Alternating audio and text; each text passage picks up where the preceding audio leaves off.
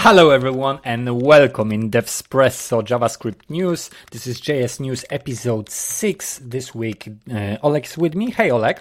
Hey JJ. All right, and what do we got this uh, this week? I see that there's TypeScript 5.1. I see Parcel updated to version 2.9 and what more? Maybe you JS JS macros in Bun, for example, I've got W3C recommendations for WebShare API and Vuetify. Nice. Okay, okay. It seems to be all interesting. Then let's roll the intro. Devspresso.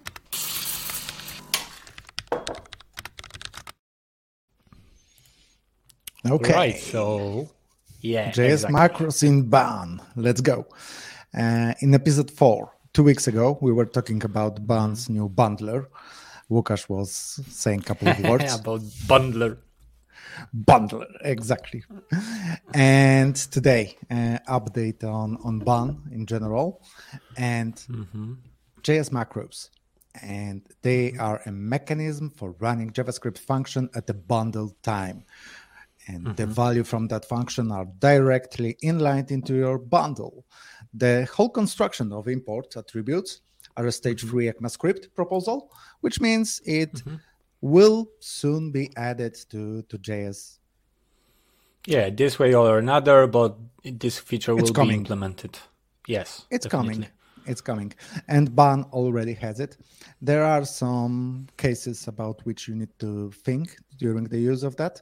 But if you are using a lot of bundle time functions, methods, and uh, functions, and mm-hmm. and you are doing some stuff, you have opportunity to just use an import statement annotation with type macro as an import attribute, mm-hmm. and will be it will be transpiled during the uh, bundle time construction, not on the runtime. So such a new yes. thing. Yeah, from what I read, it's Bun's JavaScript runtime will convert it into a value and just run it during a build time. That's interesting. Interesting thing. Like first things first, stage three ECMAScript proposal, uh, like this uh, import statements. This is important. It's all. It all started with uh, importing plain JSON it was uh, it's a possibility option to describe uh, a little bit more about your import. So they are using this mechanism to use this and execute this function during the build time to change it to into point out That's, for the CLI. Uh-huh. Yes. Okay. Okay. So for example, calls to some I don't know uh, unsecured data data that you don't want to like um, leak uh, anywhere it will be they are in general as as they are saying it is created, macros can safely perform privilege operations like reading from a database. Oh, oh, oh so. okay. Th- those were the words that I was looking for, actually. so here you have it. Of course, okay. uh, the transpiler will also await and promise return for macros. There are rules how they are call, called uh-huh. Uh, uh-huh. during the build, but all of that, I think everyone who will be using or want to use it uh, should read mm-hmm. in their mm-hmm. free time. Right. Yeah, cool. Bun is still changing from every week. Every week. That's cool. Still going faster and and getting uh, faster, better, better, stronger. uh, maybe better, getting better every every week. All right. All right. So, as I've already said, TypeScript 5.1 was released, and it's like these updates are always very precise, and the first thing that you need to focus on are the headers of every section. I will go through this update, uh, you know, because I've already spent some time and I figured out what it is uh, that they are speaking about in another paragraph. So first thing, easier implicit returns time uh, returns for undefined returning functions. And as I said, this is first sentence, and this is a sentence that I need to think twice. Uh, so the problem was that only the functions that were returning any or void uh, could have undefined specified as a return value. this could be returned value only then. And uh, this might be a little bit of a problem because in JavaScript, when function does not return anything, um, it actually does. It does return undefined. Uh, so they made it simpler, and right now TypeScript will understand that if you're not returning any or void from your function, it doesn't mean that undefined will not be returned from from that function. Nice. Oof. Yeah, and it was first point only from around 8 to 10 more. So let's go with it. Unrelated types for getters and setters. Uh, heavy duty material, not gonna get into that. Oh, but this was cool. Decoupled type checking between JSX, JSX elements and JSX tag types. okay. So the problem was sorry. So the problem was again uh, with TypeScript, but uh, in JSX, return uh, could return, for example, string uh, or a number. And although um, it's a, it's a it's well defined function, and it could be a JSX, it's not necessarily a JSX element when it comes to defining components uh, while using functions. It will work uh, if you'll be using uh, classes, but it will not work when you're using uh, functions. And the reason is simple. TypeScript always checks JSX.element for for all the info that it's looking for when it's reading some element. And right now they've changed that because um, the problems are that um, it might be okay for some functions to return string or number when you're creating, for example, library that is using JSX um, and you're creating system for that. So um, it might be useful uh, to be able to create JSX elements, tags actually, not elements, tags, using this value to define your TypeScript, um, your TypeScript component type functionality or whatever it does, because it could be even a promise right now. And they've changed that in TypeScript by allowing to check more than JSX element. So not only element and element class would be checked, but also intrinsic attributes will be checked for definition of types. And okay, that's, in essence, that's really great in essence we will do Please less gymnastics me.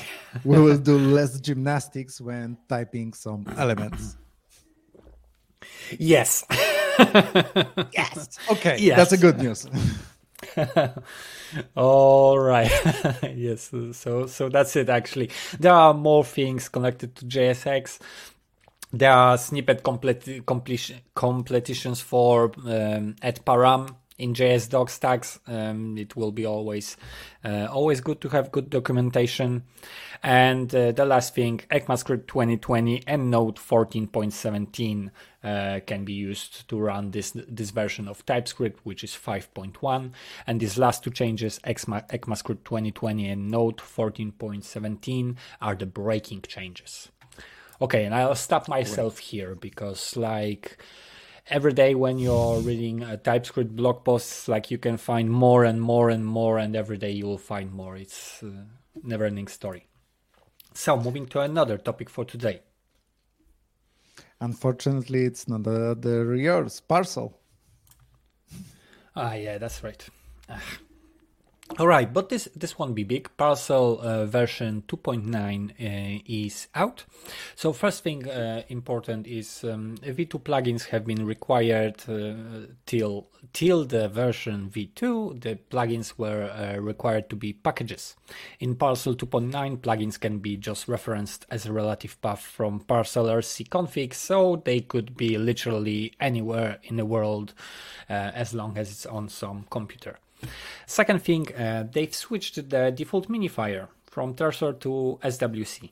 Is the speed uh, was something that like made you move uh, from the parcel? Then they are, they got faster uh, again, seven times faster because of this switch.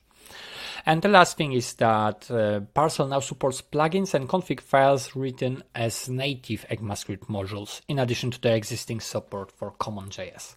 Okay, and this will be all from my side. And uh, this isn't uh, exciting, very exciting uh, news about this parcel, but I must say that the always the speed is something that's important at one point or the other, right? It's like you're always working with uh, some pipelines somewhere, and your project is getting big, or or you need to work with old project, and you're looking how to switch your builder. So when some builders say that they are getting faster, it's like for me it's okay. That's worth uh, worth noting. I would say faster, okay, of course, always pleasure. More important that native and common JS existing modules may be mm-hmm. used, right? Another option, and this is a change, and it it helps us. Okay, True. I've got W3C recommendations. One is okay. for WebShare API, and second is nearby, near our subject, EPUB uh, type, which became mm-hmm. a W3C recommendation. It's typical for e- ebooks, as we know, and it's a part. It it will from today. It today from the publication. It's a part of a digital publishing activity, and in EPUB, what got me curious in this area Format provides a means of representing, packaging, and encoding structure and semi semantical enchanted web content, including HTML, CSS, SVG, and other resources. So, in general, we will have more options to convert to EPUB, and maybe we will further on use it more often on our sites in in general. Yeah. Mm-hmm. The, well, the oh I messed up with my water. Shouldn't be a big problem. But uh, the app, the abstract of this specification states that they, they are defining APIs for sharing text links and other content to an to any arbitrary destination of user's choice, and they are not spe- specifying anything about the destination. So this is just a specification a of the API, second thing. how to communicate. Yeah. Second thing, WebShare API for as a W3C recommendation. And yes, they published it as a WebShare API as a recommendation, and it mm-hmm. specifies specifies general rules. The the conclusion from from this small information from them is that mm-hmm. in general it may be later on used for example apps websites and contracts it will be defined by the user so mm-hmm. they are heading to general standards in this area all right so that's okay. that's cool in in share api in epub i would add also that mm-hmm. there were a couple of changes in accessibility and what's the most Just... important from my perspective the EPUB accessibility specification is compatible with the European Accessibility Act. So those mm-hmm. things are going hand in hand, and it will probably evolve further on. Um, maybe because the the whole market for I don't know tools and systems which allow you to create and use EPUB uh, will have more connection mm-hmm. with the web, mm-hmm. and we will need to adapt to that. Yep, looks like it. Looks like it. That's cool. That's cool. I really like um, the fact that accessibility is uh, already in version 1, 1.1, uh, 1.1 and EPUB is uh, on 3.3. Yes. So there is not a big difference between those documents. Of course, EPUB 3 is third version of the document, but it means that the work on accessibility started. That's cool. That's great. All right, moving to another quick short news. It's about Brave, exactly about Brave Search API. So Brave has launched the Brave Search API, and it just gives us the developers and companies access to, you know, privacy preserving search index, and it's just a competition to Google and Microsoft Bing. And I just wanted to talk about it because of that reason because like it's it's good it's good in this market when we see that somebody is trying to create something and provide it um, to the market as an alternative to funk companies so brave hits some yeah, yeah. Uh, it's a, Brave is a third uh, third faster growing search engine, and they've grown to eight billion annualized queries from what they said. And I know this nice. news isn't big, but if you got something, some application, maybe there is a reason for you to check that out. Um, if you're using Google or Bing, that are two companies that already allow to use their search engines. Well, that will be all. Yeah, another search engine to maybe add it. Mm-hmm. Okay. Uh, one couple of words about Vuetify 3.3.2. Uh-huh. And this release is mainly changes 3.3 was mm-hmm. released not long ago, and as it happens sometimes, we have a bug fixes. So that's why we are already on .2 version. And app bar, input, list, list item, menu, navigation drawer were fixed. And in labs, there is also a couple of changes in data tables. So if you are using Vuetify, maybe it's worth to be updated to the newest version. Mm-hmm. Sounds nice. So, so what? Many components updated. Many uh, I see V up bar, V input, V everything. Like so, they they run through this. Not everything, but a couple of things was fixed in in this release. All right. So um, when we are talking about Vuetify, then I have small update about Bootstrap. Bootstrap 5.3 was released, and uh, I'm not gonna talk long about it. It's like this week is like Julek is not gonna be talking along, um, okay. But this update in Bootstrap is mostly focused on colors, and I must say that the, there are colors updates, palettes updates, dark mode support updates, custom color modes ad- updates, extended color palette updates, and much more. So all about colors, and they focused on dark mode. They focused on um, uh, using color mode. It's a new mixin exactly for using those modes because you can define much more than dark and light right now. Um, earlier, I remember there were some workarounds. Um, around those problems in Bootstrap, but I think that uh, they are trying to resolve them. Well, all in all, they are still very big player on the market of uh, all the UI frameworks, right? So I keep my things crossed that this was a good job. Didn't have opportunity to, to check that yet. I'm still on my ant design projects, but. I would happily check that if somebody would like to uh, uh, give me some repo to work on with that. All right, so that will be all from my side for this week. I haven't got nothing more, so I just, sorry. That's that's all what I found. All right, okay, seems a pretty good week. So um, from my side, nothing. Did we did we do everything that we wanted to do? I'm afraid that yes.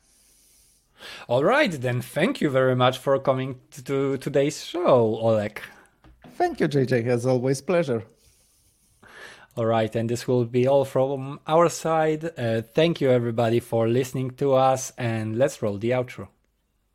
Hey, thanks for staying till the end. This is obviously outro message with all the links and information that could help you to support us or just contact us. And we greatly appreciate both. This channel is not supported by any big company or organization, so any donation is really gonna make a big difference and will allow us to expand and provide more content like that for you.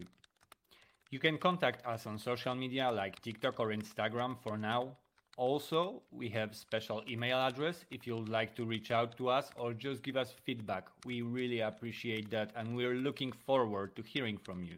And if you really think that we've earned it, you can buy us a coffee links here. So thank you again. All the links are down in the description and see you next week. Don't forget to like and subscribe.